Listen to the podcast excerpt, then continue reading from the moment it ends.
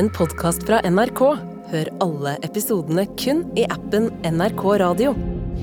I begynnelsen av april i fjor trakk russiske styrker seg ut av områdene rundt hovedstaden Kyiv i Ukraina. For mange ble det et tydelig tegn på at Russland hadde tapt kampen i nord. Men lykken ble kortvarig. For det som hadde skjedd i Butsja, kom til å bli stående som noe av det mest brutale man hadde sett i denne krigen. This is what war crimes look like. Defenseless civilians shot in the head with their hands bound. Someone's living room, now a war zone. They occupied this place, and now it's destroyed. Bucha massacre is the most outrageous atrocity of the 21st century. Utenriksjournalist Morten Jentoft og fotograf Mohammed Alayobi var noen av de første som kom seg inn i den ukrainske byen for å dokumentere det som hadde skjedd. Dette er del to av tre om de viktigste vendepunktene i krigen. Du hører på Oppdatert. Jeg heter Gry Baby.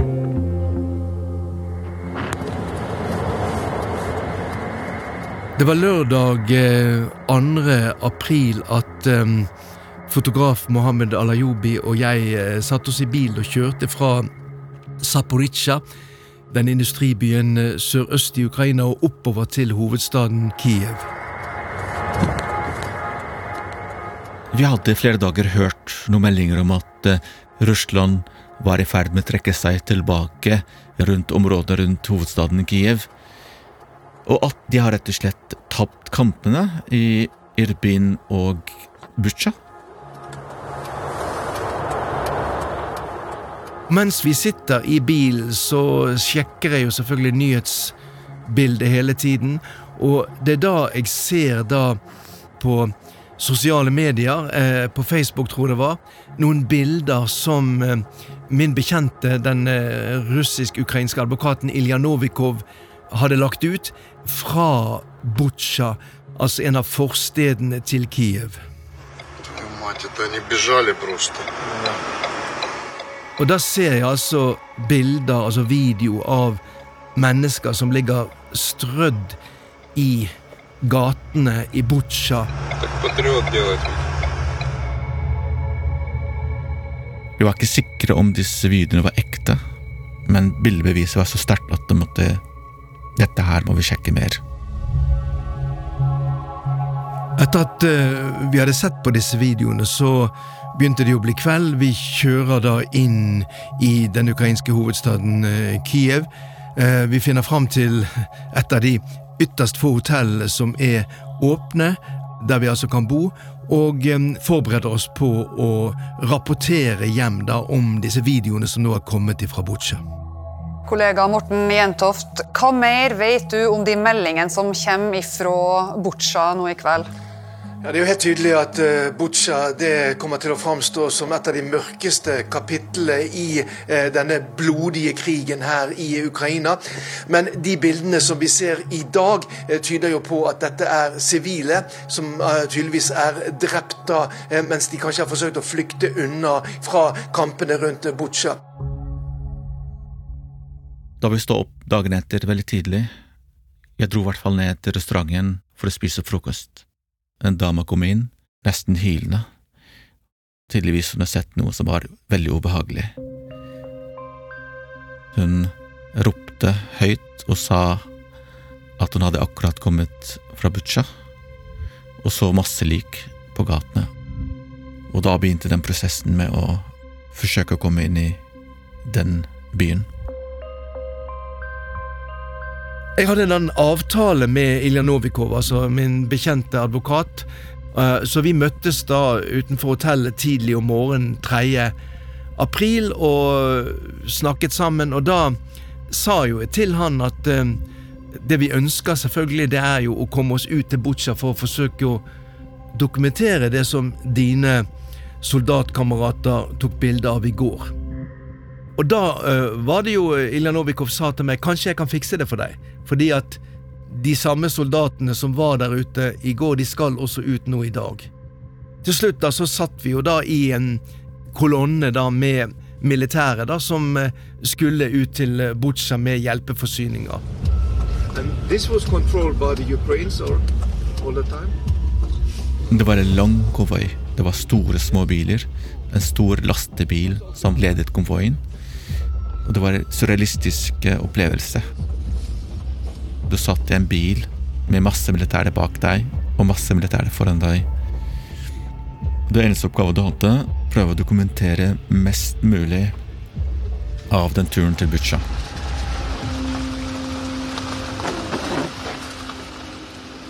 Vi så ødelagte hus, vi så ødelagte stridsvogner.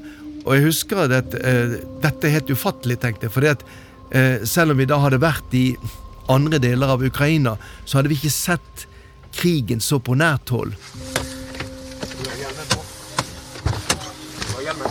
Ja. Jo nærmere Butsja vi kom, jo mer ødeleggelse vi så. Det var utbrente biler, ødelagte hus.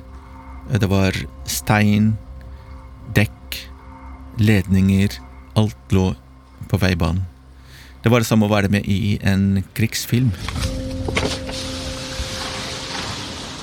Og så, når vi har vært kjørt gjennom Irpin, så kommer vi jo da til Butsja. Og jeg vet ikke hva jeg egentlig hadde tenkt i hodet, hva som kom til å vente meg. Jeg tenkte disse bildene vi så i går, det er kanskje ikke Vi, vi ser vel ikke de igjen. Disse kroppene som ligger i gaten, de er sikkert fjernet. Plutselig så var vi der, vi også, altså i den samme gaten, og der lå da disse døde menneskene fremdeles. Det var jo selvfølgelig et syn som jeg aldri kommer til å glemme.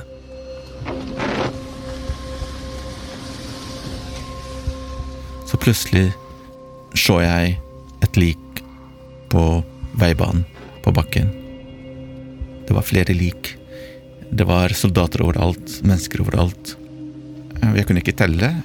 Min oppgave kun å dokumentere og filme det jeg så. Alt annet er ubetydelig. Jeg ble spurt etterpå hvordan kan du ikke ha medfølelse for de menneskene som lå på bakken. Og det er jo slik at uh, vi som jobber i slike soner, må gjemme følelsene og gråte seinere. Følelsene har ikke plass i virkeligheten. Vi forsto jo det at dette var veldig viktig dokumentasjon. Dette var ikke noe som noen hadde forsøkt å regissere for oss. Vi kunne selv dokumentere da at disse menneskene var døde. Så fortsatte vi jo bortover langs en vei forbi noen større boligblokker og stoppet da på en, en slags rundkjøring foran et, et supermarked der eh, disse ukrainske soldatene skulle dele ut eh, mat og vann til lokalbefolkningen. Jeg så deres øyne var jo De var ikke stødige, noen av dem. De sto der og så rundt seg fordi de var ikke sikre om at uh, dette er slutt. De var ikke sikre om dette var Kan de leve kanskje litt normalt igjen? For hele settingen, hele situasjonen rundt dem var jo unormalt. Jeg kan ikke ukrainsk, men jeg forsto fra deres stemme at de ikke hadde det så bra. То был бой, и э, женщина из частного сектора э, выскочила De fortalte jo om eh, noen uker med et skrekkvelde som er vanskelig å, å forestille seg, der eh, de russiske soldatene skjøt på alle og enhver, eh, som eh, for eksempel eh, brøt av dette portforbudet som var innført. Приехали сюда, развалили все двери, окна, позабирали телефоны, побили телефоны, забрали продукты. Они голодные, голодные. Og mens vi står da eh, utenfor dette ødelagte supermarkedet i denne rundkjøringen i Butsja, så kommer en mann bort til meg og peker i en annen retning og, og ber oss bli med bort. Трупы валяются, вот смотрите, труп валяется, видите? Труп, труп, труп, вот. Вот, идите сюда, идите. Det er tydelig at han viser oss noe, og der borte der ligger det altså nok en død person under et teppe. Парню 26 лет. Парню 26 лет, никого не трогал, гулял с собачкой. Og denne mannen han forteller at denne gutten han har ligget her i flere dager, han er 26 år gammel, og at eh, han rett og slett bare ble skutt mens han var eh, ute og gikk. Это может быть, Я просто остался э, охранять квартиру. А моя семья, я не знаю где.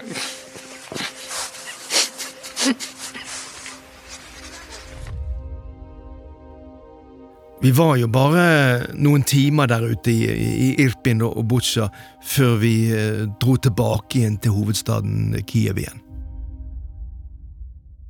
Med en gang vi var ute av Butsja og Irpin, klarte vi å sende hjem de første egne bildene av det vi hadde sett og opplevd, hjem til NRK, og eh, jeg forsto jo raskt at dette ble sett på som, eh, som veldig, veldig viktig dokumentasjon som vi måtte få ut eh, fortest mulig. NRK har vært i utkanten av Kyiv, der likene ligger strødd i gatene og i massegraver. Morten, Russland hevder at de døde kroppene du har sett i dag er skuespillere, at alt dette er propaganda arrangert av Ukraina. Hvor sikker er du på at eh, det er ekte? Ja, Det er jeg helt sikker på at det er ekte døde mennesker som lå der, dessverre. Det var det ingen som helst slags tvil om. Så kan man jo selvfølgelig diskutere hvordan har de blitt eh, drept, og det må jo undersøkes nærmere, selvfølgelig. Men vi har jo også sett at noen av de som er funnet i gatene, har jo vært eh, bakbundet og skutt. Så det er tydelig at eh, her har det i alle fall vært skutt mot sivile, stort sett antageligvis helt uten grunn.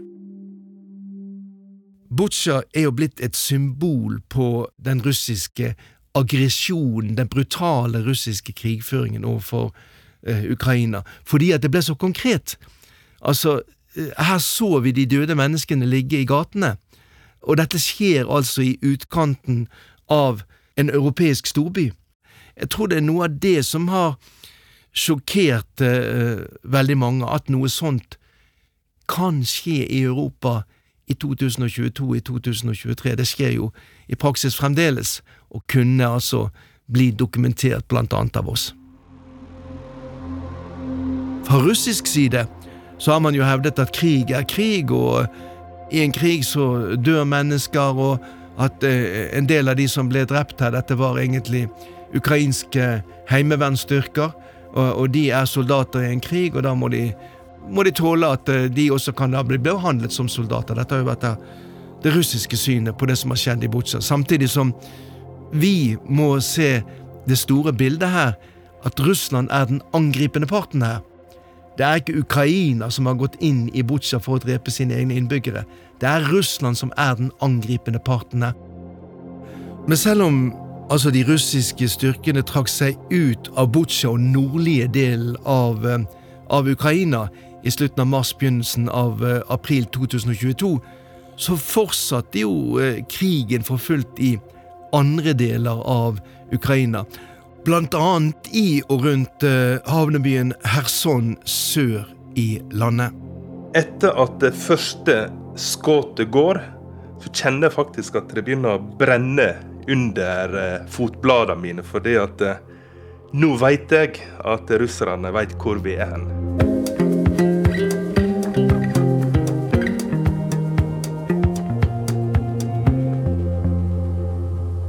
Du har hørt episode to av tre om de viktigste vendepunktene i krigen. Tirsdag 28. februar kommer tredje og siste episode, som handler om frigjøringa av Kherson. Oppdatert er en podkast fra NRK Nyheter, og denne episoden den er laga av oss.